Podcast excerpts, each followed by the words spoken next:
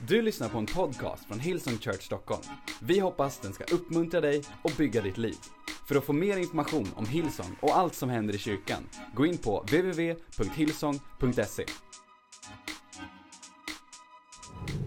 Du tycker också det är dags att börja predika? Det är bra. Well, om ni har biblarna med er så kan ni ta fram dem. Om ni inte har biblarna med er så gör det ingenting. Kan man hela bibeln utan till så finns det ingen anledning att ta med den. Men för oss andra som kämpar. Titeln på den här predikan heter Tio år av samma sak. Jag, jag får äh, ganska ofta frågor äh, faktiskt äh, när jag reser i olika sammanhang i Sverige vad vår formel är för det Gud har gjort här. Och om jag visste det så skulle jag samla den på burk, jag skulle sälja den dyrt, starta en kristen webbsite och tjäna mycket pengar. Men jag vet inte, vi har, vi har inte, det går inte. Jag får ofta frågan, vad är er formula för tillväxt? Kan jag bara säga om vårt tioårsjubileum? Hej, eh, i januari så har vi Revival Nights. Okej? Okay? Och vi kommer slå ihop Revival Nights med våra tioårsjubileum med några eh, fantastiska internationella talare som vi kommer releasa här alldeles strax. Så bara se till att du är hemma, eh, liksom bara, bara, bara vara hemma hela januari för vi kommer bara göra det the month of party. Men, men vi, kommer, vi kommer fira det som det anstår i Hillsongkyrkan. Så, så jag får ofta frågan, vad är den formula i Hillsong? Vår formula för tillväxt skulle jag säga, det är att fortsätta göra samma sak som Gud kallar oss till att göra från början. Mindre av det som Gud aldrig sa, som vi har gjort. Och mer av det som Gud sa att vi skulle göra. Ibland finns det en frestelse att tänka liksom så här, och människor säger, ofta sa människor säger till mig, Andreas ni, kan ha, ni har ju massa volontärer nu, ni är en massa unga i kyrkan, men det kommer aldrig gå att bygga kyrka på det här sättet, för människor kommer bli äldre och inte kunna hjälpa till på samma sätt. Och det var liksom som att alla, alla, många andra, både pastorer och ledare och andra, försökte förbereda mig på att det här skulle inte gå så länge. Det går när ni är unga och liksom naiva och, och liksom ni har inget att förlora, och, men det kommer aldrig, ni kommer behöva, ni kommer bli, det kommer bli som allt annat senare. Och jag tänkte, det är kanon. Fortsätt bara häll bensin på min eld. Säg det igen. Säg det igen Sherlock. Och varje gång de sa det så, det är inte det att jag är tävlingsmänniska. Det är bara det att jag aldrig tänker förlora. Och, och han sa Andreas, du kan inte ta Hillsong liksom och bara kopiera Hillsong rakt av. För det första handlar det inte om att kopiera det för att vi har inte tittat på någonting och försökt göra likadant utan vi kan bara vara det vi är. Och de sa Andreas, du kan liksom inte göra som i Australien, det funkar inte i Sverige. Du måste anpassa dig till Sverige, till svensk kultur. Här är vi inte så passionerade, här lyfter vi inte händerna. Här kommer inte människor be högt, här kommer inte människor liksom vara passionerade. Utan det är annorlunda här. Och, jag, och, och och faktum är att när vi, och jag måste till predika, men när, när vi startade vår kyrka, vi hade haft tre möten tror jag. Och jag gick upp och du vet så här, ung och naiv och, och önskade att jag vore lika ung och lika frimodig fortfarande. Framförallt ung och frimodig. Och, eh, jag kunde stå där och komma upp liksom inför 30 pers liksom. Come on, from the front to the back, from the left to the right på engelska också. Lyft upp era händer hela vägen framifrån, hela vägen bak. Alla bara, hur långt är det? liksom tre rader där.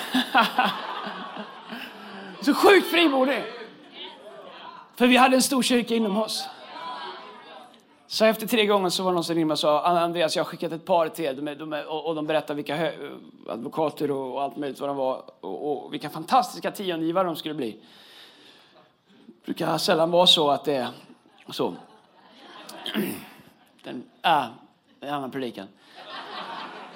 Så skärp dig nu Andreas, gör inte bort det liksom. Utan om du får de här, de är, liksom inte, inte helt, de är ganska nya tron så, så, så, så liksom tagga ner lite grann, okej? Okay? jag bara, ja visst, absolut. Ja. Och jag, de kom så här liksom och nu var vi liksom på fyra rader och jag du vet, upp i lovsången, du vet, skrek så tonsillerna var här ute. Och du vet så här, come on, hela vägen bak, lyft upp händerna, hela Det betyder ni på tredje raden också. Jag var så trött på det här, liksom. det går aldrig i Sverige. Och, jag ska, och, och, och, så och, och, och sen så, och de där två som kom, de såg ut som vi hade liksom stått och sprutat vatten på dem. De stod så här ah, inte bra. Uh, jag fick ett samtal från han som hade sänt hit en, en annan pastor efteråt. Sa Andreas, vad har du gjort? Jag vadå? Du har ju skrämt bort dem, de är helt livrädda. De kommer aldrig mer komma tillbaka till kyrkan. Du kan ju liksom, Du kan ju inte, du kan inte be folk lyfta händerna i Sverige. Nej. Vad ska jag säga då när jag går upp? Du måste ju liksom, du kan liksom inte köra, det är ingen ungdomsfestival det här. Du måste liksom tagga ner och jag, ja det, det går, kommer aldrig gå det här. Hur ska vi få hit nya människor? Det är klart så här, Erik och Tobbe och Ida, de kan ju bossa lite med, men alla andra liksom, hur ska, hur ska det här gå liksom? Och jag tappar hela min självkänsla, tänkte, hur ska det här gå nästa söndag? Så kommer jag ihåg att jag stod i lovsången och skulle gå upp och här är en sån brottningskamp. Hur ska det här gå till? Vad, vad ska jag säga? Vad, nu måste vi bli värdiga liksom. Vi måste liksom växa upp. Jag är ingen ungdomspastor längre. Jag är föreståndare i pi- pingstförsamlingen Hillsong Church Stockholm som inte, vi var inte riktigt accepterade. Vi var inte inkluderade, men nu är vi det. Men, men vi var eh, med i australienska pingströrelsen då i alla fall. Och nu är vi med i alla pingströrelser som finns fast vi lägger inte så stor vikt vid det. Vi är med i, vi är med i Kristi kropp och Jesus, det är det viktigaste. Och, och, well, det var inget inlägg, men det var vad det var. Skit i det! Förlåt! Strunta i det! Sorry. Jag ska börja predika strax. Och jag stod där och skulle gå upp. Bara tappa hela min frimodighet. Tänkte jag kan ju liksom inte vara mig själv. Jag kan ju liksom inte. Och gick upp, kommer jag jag gick upp på scenen där och började liksom. Jag kunde liksom inte säga någonting för jag kände liksom att jag var helt lost. Där och då, på scenen i Casinoteatern, jag tror det var en fjärde gudstjänst, så fattade jag ett beslut. Om att jag kunde inte bry mig mindre om vad svensk kultur är. Därför att kingdom culture, Guds rikes kultur, fanns långt innan vi ens fanns som ett land. Långt innan liksom det ens var bestämt. Och, så här. och jag bestämde mig därför att vi ska vara en så trovärdig representation av det vi tror att Gud har kallat oss till att vara. Det kommer passa för några och det kommer inte passa för några. Men om jag ska stå här och vända ut och in på mig själv för att alla ska tycka att det här blir bra. Vet du vad faktum är? Att mitt jobb är att provocera dig. Som du kommer hit på söndagar. Så här, det var väl, och måste jag? Och så ibland säger vi om det känns naturligt, lyft, lyft din händer. Du tänker, det känns aldrig naturligt för mig att lyfta mina händer. Well, det är därför jag säger det. för att Bibeln säger lyft heliga händer. För att det är någonting med oss själva när vi bara släpper lite av vår egen liksom sammanhållenhet. Säger, vet du vad Gud, jag ger mig till dig. Det är en annan predikan. Men vi bestämde oss där och då. Inte för att vara några freaks, inte för att vara liksom, hålla på och skrika för skrikandets skull. Men för frimodigt. Stå för det faktum att vi tror att en människa, för en människa att tillbe Gud och lovsjunga honom och ge uttryck för det och vara engagerad i det, att låta hela kroppen, ande, kropp och själ vara engagerad i det. Det är något av det bästa som finns. Och det, våra formula för det Gud har gjort, det har varit att fortsätta göra samma sak. Av det som Gud har kallat oss till. Och när människor frågar vad är det ni drömmer om så är det samma sak nu som för, för när vi startade för tio år sedan. Att människor ska få en personlig relation med Jesus. Och i början när jag sa det sa människor, Andreas det är ju ingen vision. Nej. Ja, det är ju alldeles för enkelt och för brett. Jaha. Det är alltså för brett att alla människor ska lära känna Jesus. Okej, vi måste smalna av där. Att en del människor ska lära känna Jesus. Men då är ju frågan, vilka ska vi välja bort? Jag kände att jag fick slåss väldigt mycket i början av att liksom Visionen måste liksom gå, trycka ihop och, och den måste, en vision måste ha steg. En vision måste liksom vara nedbruten och massa företagare kom till mig och sa som, som fant- menade väl och, och hur det skulle brytas ner ett, två, tre. Och vi har visionen, the church I see, vi har mission statements och vi har alla möjliga saker. Men, men helt plötsligt så räckte det inte med att säga att vi vill att alla människor ska få en personlig relation med Jesus och bygga en kyrka som är så stor att våran stad inte kan ignorera den. Jag menar om vi bara lyckas med de två sakerna så kan vi ju liksom, sen kan vi komma på de mer komplicerade sakerna.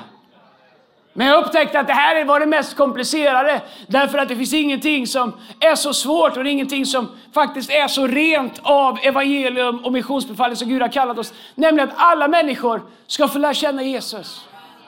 Ty så älskar Gud världen att var och en som tror på honom ska få evigt liv. Ska få bli förlåten, ska få en ny chans. Att var och en, att evangelium inte är exklusivt, att det inte är begränsat. Att det inte är nischat, att det inte är liksom för fina liksom medelklassvita människor som bara behöver liksom krydda sitt sociala liv lite grann. Utan att det är en Guds kraft till frälsning för var och en. Att det är någonting som kan förvandla vem som helst. Att Herrens ögon överför hela jorden. De privilegierade, de icke-privilegierade. De omtyckta, de inte omtyckta. De med ett okej okay förflutet, de med ett fruktansvärt förflutet. De du tycker om och de du inte tycker om. Alla människor. Vi sa att vi ska bygga en stor kyrka. Det vi inte har gjort är att vi aldrig sagt att vi ska vara en så stor kyrka vid det tillfället. Vi ska vara en så stor kyrka vid det. För det, det, det vet jag inte. Vi har aldrig satt en Vi har sagt att vi vill vinna så många människor som möjligt för Jesus. Vi vill att så många människor som möjligt ska få uppleva hans nåd, hans kärlek, hans förvandlande kraft. Upptäcka att rättfärdigheten är en gåva och bygga en kyrka som är så stor att den inte går att ignorera. Men vet du vad? Vi är fortfarande samma sak. Min dröm. Och faktum är att vi ser vissa av de här sakerna börja ta form. Det har gått mycket långsammare än jag trodde och det har gått mycket fortare än jag trodde. Så vad är det vi gör? Och hur ska vi fortsätta göra samma sak? Kalla mig gärna naiv, men jag tror att vi ska ändra på det faktum att Stockholm har bestämt sig att vi inte behöver Gud längre. Jag undrar om vi någonsin har levt i en tid där vi så hårt har proklamerat och profeterat ut att det behövs ingen Gud, att du är din egen Gud och du kan bygga din egen Gud. Och, men, men låt mig säga det, om man bygger sin egen Gud, du kan hoppas att han är tillräckligt stark för att hålla dig. Om livet skulle ta sådana vänder som vi såg på filmen eller andra utmaningar. Du, om du är din egen Gud, då är det upp till dig att lyfta dig själv i håret. Och vi upptäcker alla åtminstone en eller två gånger i livet att det finns, att det finns någonting med det här livet som är så stort och som är, har ett sånt djup att vi inte klarar oss själva. Att det finns en anledning att Gud som har skapat oss visste att vi behövde en frälsare. Jesaja kapitel 43, vers 18, det bibelord som är, ligger till grund för det här året, som pastor Brian läste i Vision Sunday, där det står Tänk inte på det som redan har hänt, bry dig inte om det som förr har varit. Se, jag gör något nytt.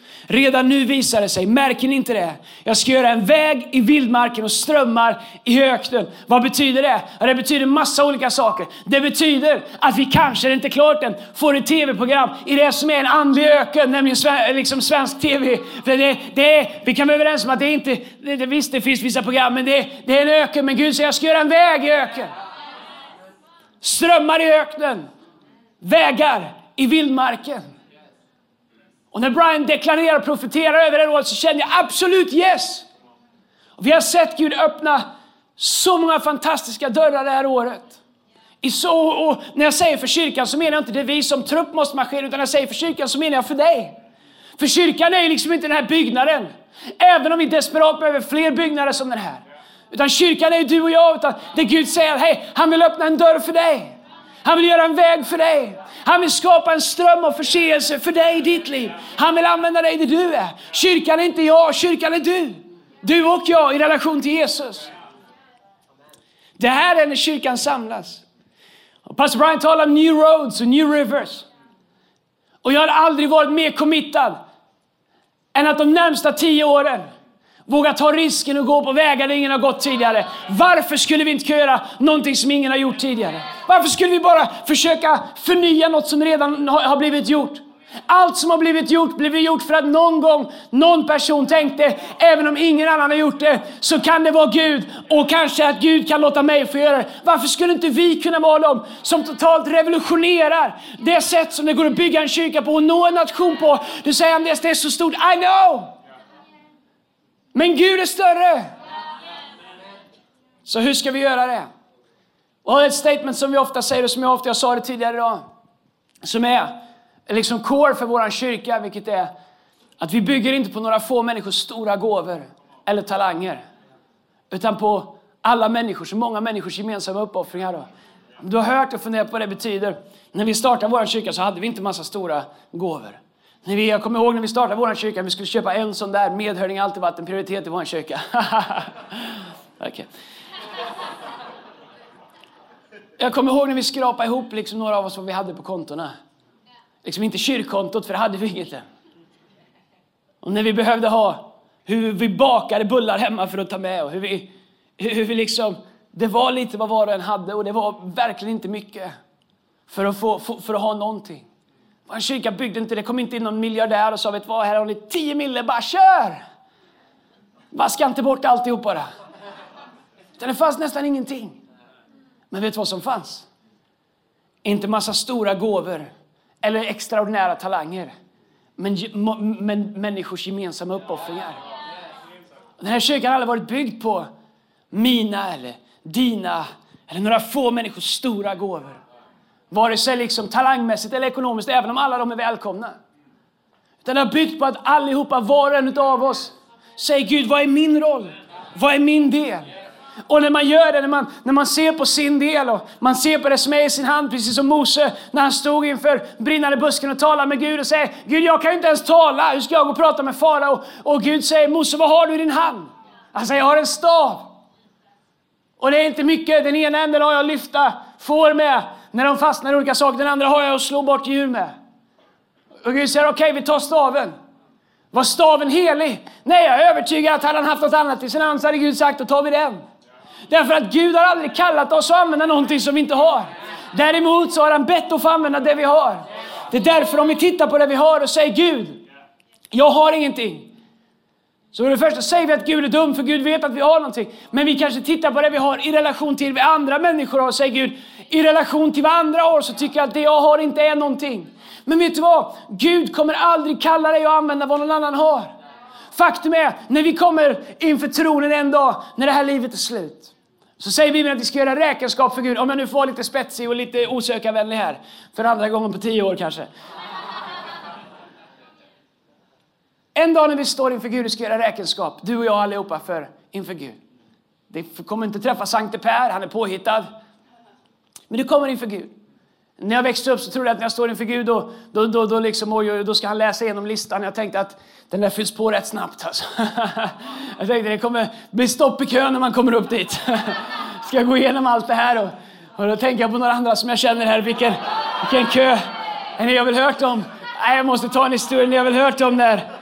Jag, jag rycks ju ofta iväg i anden och sådär när jag ber. Och man försvinner iväg. Och en dag så kommer jag upp i, till himlen och det sker ofta oss väldigt andliga människor. Och jag kom upp där och, och det var inte Sankte Per, men han som stod i, i dörrvakten där kom in där, stod där och, och, jag fick komma bara precis innanför. Och jag såg att det hängde massa klockor på väggen överallt. Och under varje klocka så stod det namn. Och de gick olika fort. Jag tänkte, finns det olika tider här i, i himlen? Det, det är superkonstigt. Det, det, det liksom, går inte alla klockor lika fort. Liksom, jag tänkte han kanske är alfa och omega. Det kanske det här hemligheterna finns med hur han är framför och bakom överallt samtidigt. Jag sa, men vad är alla de här klockorna och varför står det en massa namn under? De sa, ja de här klockorna är syndaklockor då. Namnen representerar vems klocka det är. Så varje gång någon syndar så slår klockan ett hack. Och jag såg min frus klocka, den stod helt stilla, den rörde sig inte. Nej, det är helt makalöst alltså. Den står helt stilla. Kom ihåg det ikväll älskling, okej? Okay? Eh, jag är gift! 14 år baby! Gift. Och... Äh, jag såg Tobbes klocka, den rörde sig inte så mycket heller. Alltså, den är, han är ju en fin människa. Slog någon gång sådär. Och så lite olika klockor här liksom. Den rörde sig till och från Jonathan Brandströms klocka. Den hade ändå en visst, ett visst tempo. Men får jag säga, jag tänkte, mina kompisar tänkte Marcus Agemo, har han ingen klocka? Han måste väl liksom, måste finnas, han ska leta, leta efter Marcus M, M, M, M, M, M, M, M, M, M, M, L, L, P, K, P, O, M, M, M. Men det fanns ingen klocka på Marcus Agemo. Jag sa, men hörru, Marcus Agemo, han måste ju ha en klocka. Den måste ju ändå röra sig i hyfsad takt. Och så, ja, alla har en klocka. Var är Marcus Agemos klocka då? Så ja, det vet jag inte, men jag kan kolla, sa han. Så var han borta jättelänge. Jag tänkte, han glömde väl det. Sen kom han tillbaks, helt genomsvettig som han hade sprungit tillbaks. Och så sa han, jag hittade Max Agemos klocka. Okej, okay, vart är den? Ja, de har satt den som fläkt i köket. Woo, come on somebody. All right. Nej, nej, men faktiskt, jag har en predikan där som vi ska komma tillbaka till. Det var inte sant. Det var inte sant. Det var inte Mackans klocka.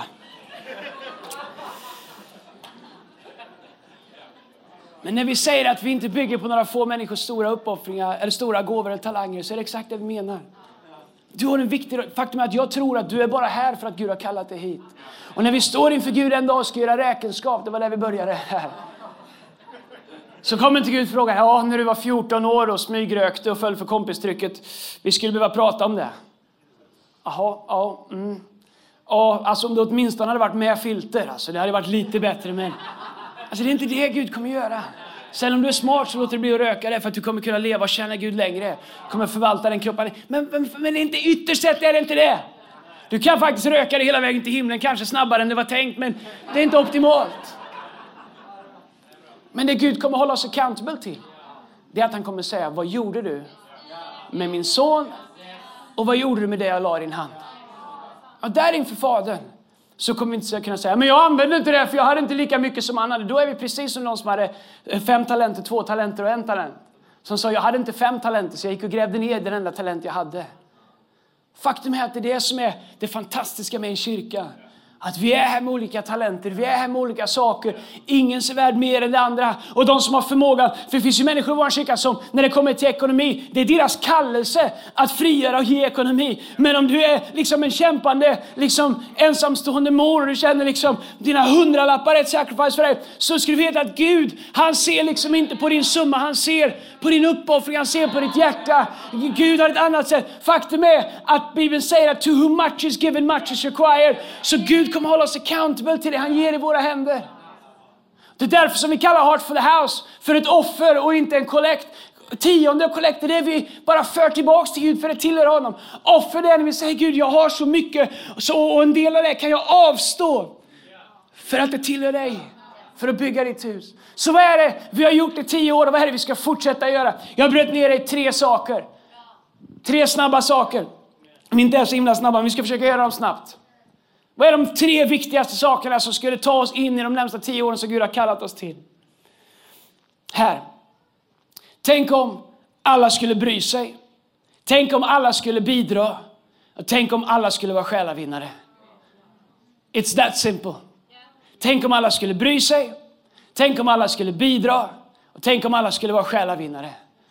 Faktum är att det finns människor eh, som har gått många, många år i skola för att göra det enkla väldigt svårt. Det är, jag antar att det är ett, ett sätt att, att, skaffa sig en bra lön för att förklara det man har krånglat till för de som tyckte det var enkelt från början. Men, men ibland är det fascinerande hur vi kan ta evangelium som är så enkelt och göra det så förtvivlat svårt. Essensen av det Gud har kallat oss till är, är att eh, bry sig, att bidra och att vara själavinnare. I Filipperbrevet kapitel 2, vers 10 så står det så här. Ty hans verk är vi, skapade i Kristus Jesus till goda gärningar som Gud har förberett så att vi ska vandra i dem. Alltså det Paulus säger är att vi är skapade i Kristus Jesus till att göra någonting. Det innebär att det finns ingen säsong av vårt liv där vi säger äh, att jag är inte i en säsong där jag kan göra någonting nu. Well, då, har du, då har du en annan bibel. Jag inser att det vi gör kan se olika ut i olika säsonger. Jag menar, om du födde ditt, ditt liksom fjärde barn här nu på fem år, för två veckor sedan, så inser jag att det ser annorlunda ut än om du är 18 år och allt du ska fundera på om du ska gå upp klockan 10 eller 12 på dagen. Nu säger jag inte att alla 18-åringar gör det, men om det är så. Så jag inser att det kan se annorlunda ut i olika säsonger. Men det finns ingen säsong där vi säger, nej jag kan inte tjäna Gud just nu. Är du skapad till goda gärningar även när allting i ditt liv inte är färdigt? Ja, det säger Bibeln. Men Andreas, jag kan inte göra något. Jag, mitt liv är inte rätt än. Nej, det är möjligt att det inte är. Men om du fortsätter att tjäna Gud så lovar jag dig, medan du tjänar Gud med ett rätt hjärta så kommer du upptäcka att medan du tjänar Gud så kommer han förändra dig. Det innebär att från det ögonblicket du säger ja till Jesus så är du involverad i ett ständigt pågående uppdrag.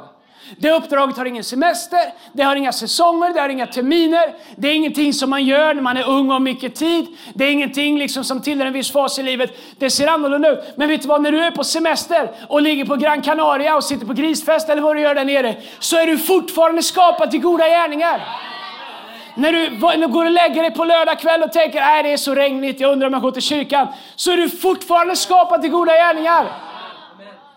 Du är skapad till att göra någonting. Och om du inte gör någonting så gör du inte det du är skapad till. Och när vi inte lever i det Gud har skapat oss till så kuggar inte kugghjulen i. Alltså jag önskar jag kunde säga det på ett bättre sätt. Det är inte så att vi, vi, vi, vi liksom arbetar oss till vad Gud har gjort, att vi förtjänar. Det är inte det jag säger. Rättfärdighet är en gåva. Rättfärdighet är en nåd som vi får. Vi tar emot, vi blir rättfärdiga. Men lyssna här. Det som bygger våra liv, det som formar våra liv, outcome av våra liv, handlar om vad vi förstår och göra med de principer som Bibeln talar till oss. Och inte minst Paulus talar jättemycket om hur vi ska leva våra nu liv som är rättfärdiga genom gåvan Jesus Kristus. Och det han säger är att vi är skapade till att göra någonting. Det innebär att liksom, du vet så här, alltså problemet är ju att vi har glömt bort att det här livet med Gud handlar om att tjäna Gud. Det är liksom inte en klubb vi kommer till. Det är liksom inte, äh, men jag, jag är med i Lions, jag är med i Hillsong, jag är med i jaktlag, jag är med i en bo, bo, bowlförening. Bowl, vem bo, bowlar? Det är liksom för... Det är, bowl, det är man i väntrummet i himlen. Men, men, jag vet inte, det får du göra om du vill. Men, men förstår, alltså, du, att vara med i Kristus, det är, jag har mönstrat in i någonting som vi gör. Säger Andreas, jag, jag, jag, jag är sårad nu. Absolut, det finns seasons där vi blir, där vi, du vet, så här, Gud tar oss under sina vingar och vi får, he, vi får hela, absolut. Men vet du att när du låter Gud hela dig så gör du någonting. Du vittnar för andra människor om hans godhet. Vi är kallade till att göra någonting. Det är det Efesierbrevet säger. Gud har skapat oss för att vara aktivt delaktiga i sin plan. Du är född till att tjäna Gud. Och lyssna, där kommer du hitta din mening. Alltså det här med att hitta mening med livet, det är så sjukt enkelt. Ja, men vi skulle kunna bara sortera ut det här idag en gång för alla. Ska vi göra det? Vill du hitta mening med livet? Börja tjäna Gud. Bara börja tjäna honom. Och sen efter 12 månader så utvärderar du och säger bara, jag har hittat meningen i mitt liv. Hur många skulle säga att det är sant? När du börjar tjäna Gud så bara hittar du mening med livet, purpose med livet. Saker som tidigare inte, som inte, saker som hade hänt som till och med var negativa fick helt nu plötsligt en mening. Meningen med livet är att tjäna Gud. Oavsett hur det ser ut för dig. Att medvetet tjäna Gud. Att medvetet leva som att man är skapad till att göra goda gärningar för Gud. Att inte ha off-seasons i livet. Att där man är tjäna Gud. Det, det, det, är så enkelt att hitta Guds vilja för sitt liv. Det är bara att börja göra någonting. Därför att när vi gör någonting så börjar Gud leda oss. Åh, vad det är svårt att leda någon som står still. Möjligtvis kan du vrida dem lite. Men så fort de börjar röra sig, då kan Gud styra dig. Han kan säga lite mer häråt, lite mer häråt. En del av oss är lite tröga och lyssna så han liksom får tackla oss lite grann. Vi tycker oj, varför är livet så svårt? Och det är för att du har svårt att höra. Så, men för, om, om du är bra på att höra så behöver han kanske inte alltid justera dig så. Men så fort du rör dig så kommer Gud börja leda dig.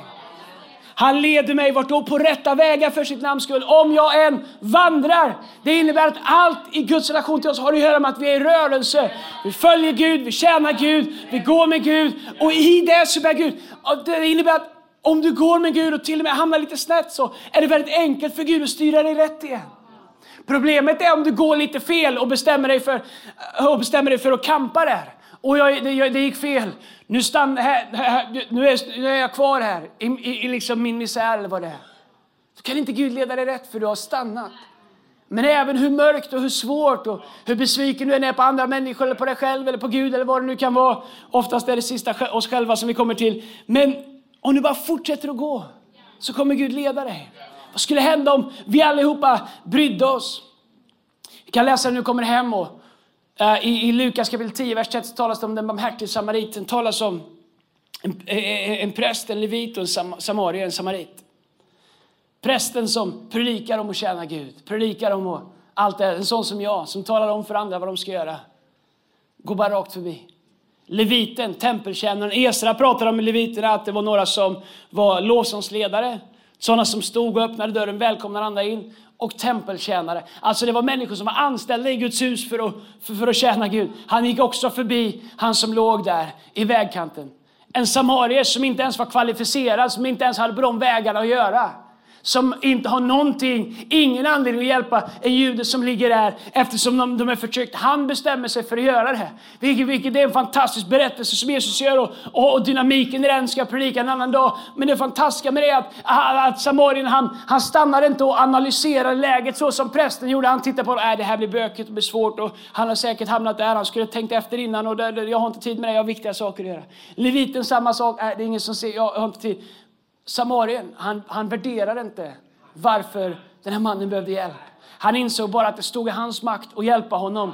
Och det var allt som behövdes för att han skulle bestämma sig att göra skillnad. Att bry sig, att vi är en kyrka som bryr oss. Det krävs så lite. Vi behöver inte ens vara kvalificerade, vi behöver inte vara tillfrågade, vi behöver inte tycka att vi har allt som krävs. Vi behöver inte ha gått rätt utbildningar, vi behöver inte ha gjort allt det där. Vi behöver bara bry oss. Vad skulle hända om vi bestämde oss? Jag bryr mig faktiskt om min nästa. Jag bryr mig om min familj. Jag bryr mig om människor på mitt jobb. Jag bryr mig om mina klasskamrater. Jag bryr mig om de dem jag inte tycker om. Jag bryr mig om människor som är jobbiga om vi bara bestämmer oss för att bry oss. Tror du att Jesus bara brydde sig om enkla människor? Nej, han hade lärjungar.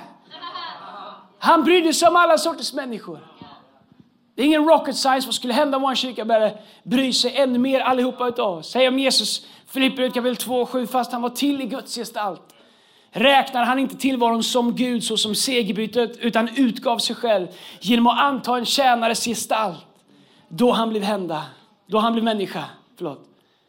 Vad skulle hända om vi slutade tänka mindre om oss själva och började tänka mindre på oss själva? Började bry oss ännu mer om andra människor. Jag vet att I'm preaching to the choir till någon av den bästa kyrkan jag vet, men jag vet att det finns så mycket mer som vi tillsammans skulle kunna göra. Så tänk om alla skulle bry sig. Tänk om alla skulle bestämma sig för att bidra. Vi har redan pratat om det. Men tänk om, ah, om vi skulle bli en kyrka där det är enkelt för människor att bidra. Jag inser att människor som kommer till vår kyrka, att, att det finns en process av att komma till vår kyrka. Om du kanske inte är troende eller eh, kommer till vår kyrka, du är medbjuden, man kommer dit för att undersöka. Vad är det här för någonting egentligen?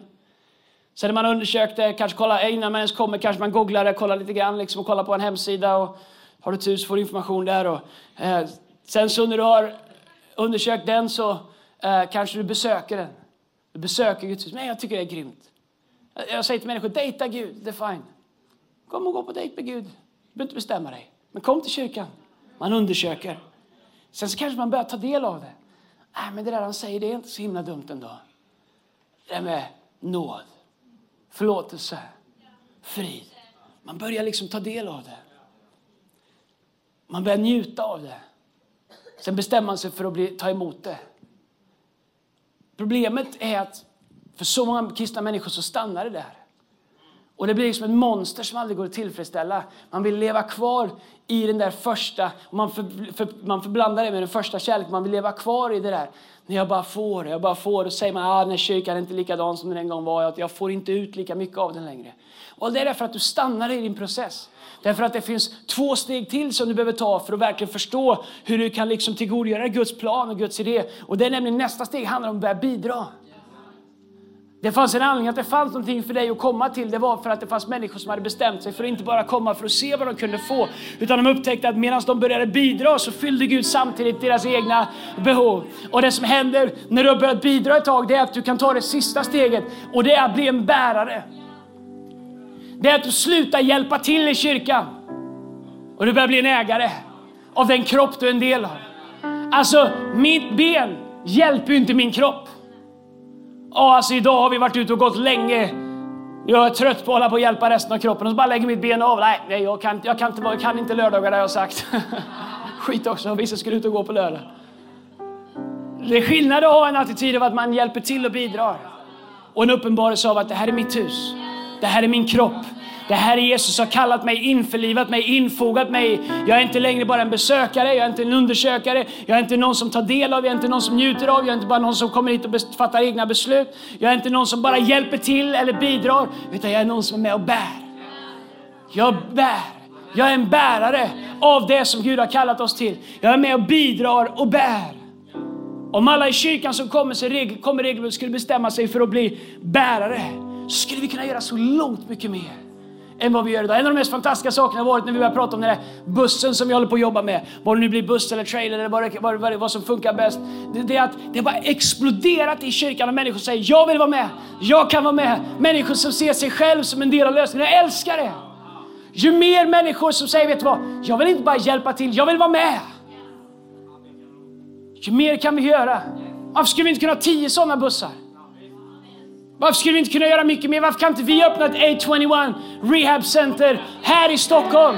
Varför kan vi inte tömma de här 200 bordellerna och säga till dem, hej, vi har köpt en herrgård, den ligger en timme utanför Stockholm. Det är den mest läkande och vackraste plats som du någonsin har varit på. Där ska du få bo i 12 månader. Vi ska ge dig tillbaks ditt egenvärde, ditt människovärde. Du ska bli helad fysiskt, emotionellt. Du, vi kommer ta hit din familj. Har du barn som du har lämnat bort kommer vi ta hit dem så de kan bo med dig.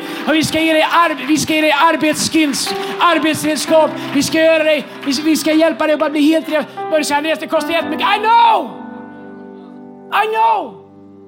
Men varför skulle ekonomi vara en limit för Gud?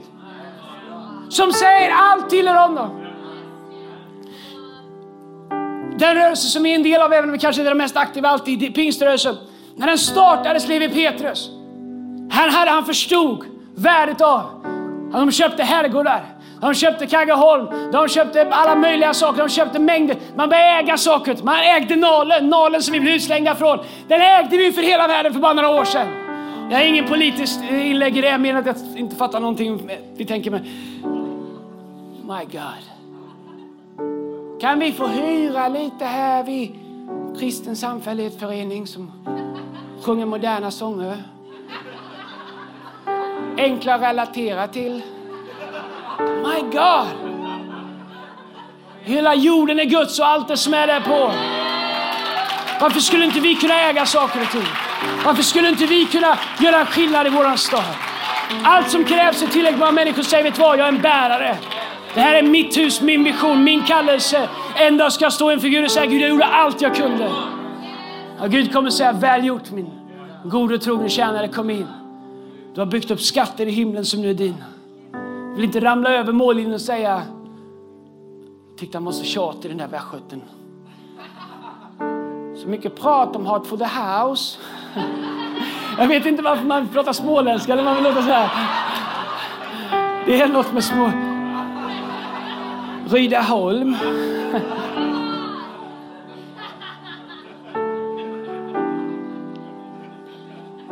Vet du vad givande kommer ner till? Vet du vad generositet kommer, till, kommer, ner, kommer ner till? En vers. Lukas 7, 47. Jesus säger om kvinnan, därför säger jag dig, hon har fått förlåtelse för sina många synder. Det är därför hon visar så stor kärlek. Men den som har fått litet förlåtet, älskar litet. Roten till när vi håller hårt i det som är vårat, det är att vi inte har en uppenbarelse om vad Gud har gjort för oss. Kanske bottnar i att vi tror att men jag behövde inte så mycket frälsning. Ja, men jämfört med, jag har inte knarkat, jag har inte mördat, jag har inte liksom haft en fru, jag har inte liksom, jag behöver inte så mycket. Du har inte fattat någonting. Din själ var förlorad. Och Jesus offrade sig själv för att ta sig rätten att vinna den tillbaks. Därför är vi skyldiga honom allt. Det spelar ingen roll hur mycket stora synder du tycker att du har gjort eller inte. Synd, det handlar om att vi valde andra vägar än Gud. Vi säger vi har alla syndat och gått miste om Guds härlighet. En uppenbarelse av hans nåd kommer alltid föda, Gud vad kan jag göra tillbaks? En kvinna kommer och bryter en olja, alabast, al, al, alabasterolja över Jesu fötter. Men säger, ska du verkligen ge så där mycket? Det där, det där kan inte vara normalt. Förra året samlade vi in 5,5 miljon. Och, och, ibland när jag säger, hej förra året på Artflöda samlade vi in 5,5 miljon. Men jag kan alltid se en tiotal människor.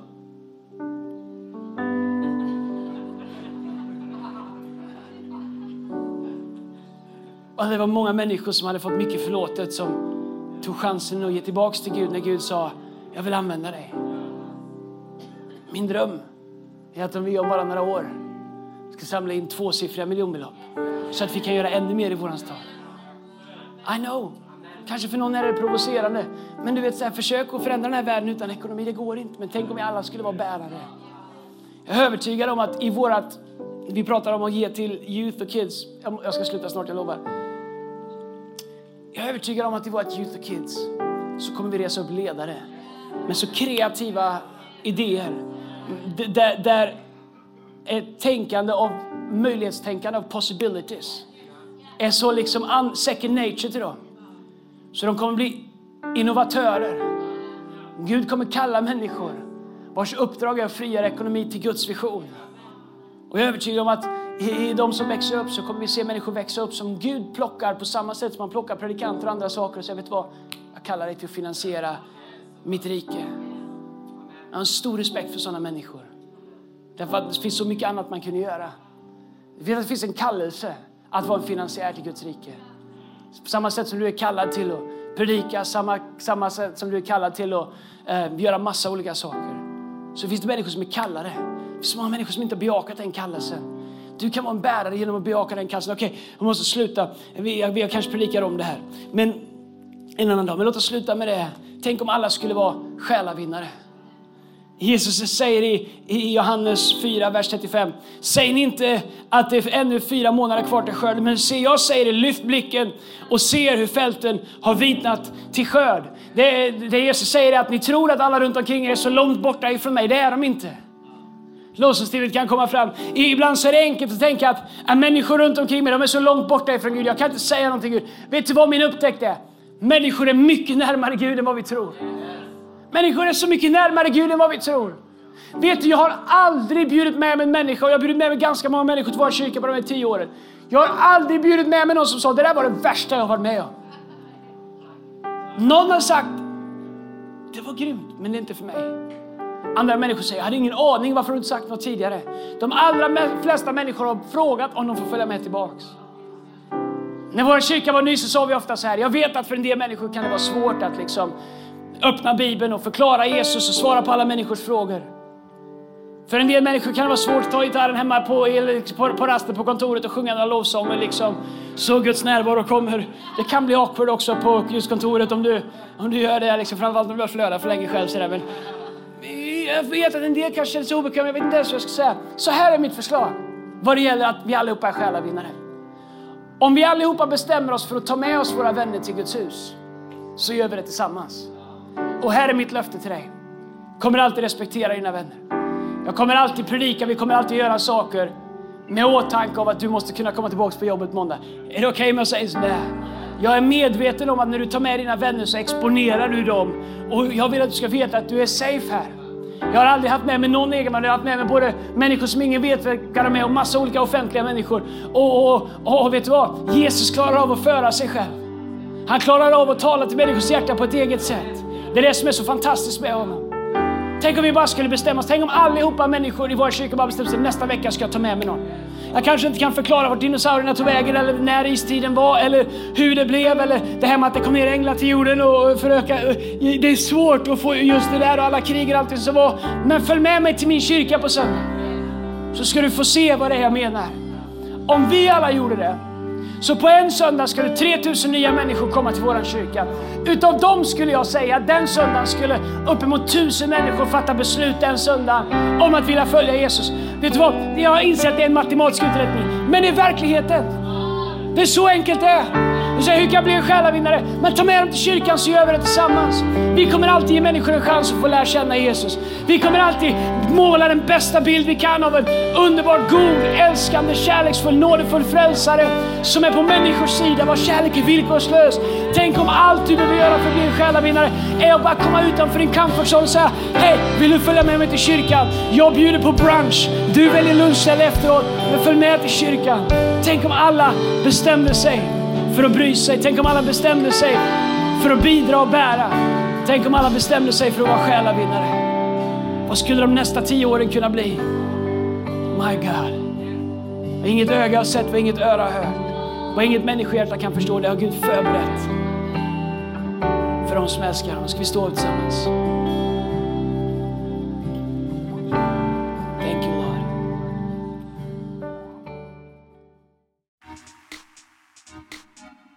Har lyssnat till en podcast från Hillsong Church Stockholm.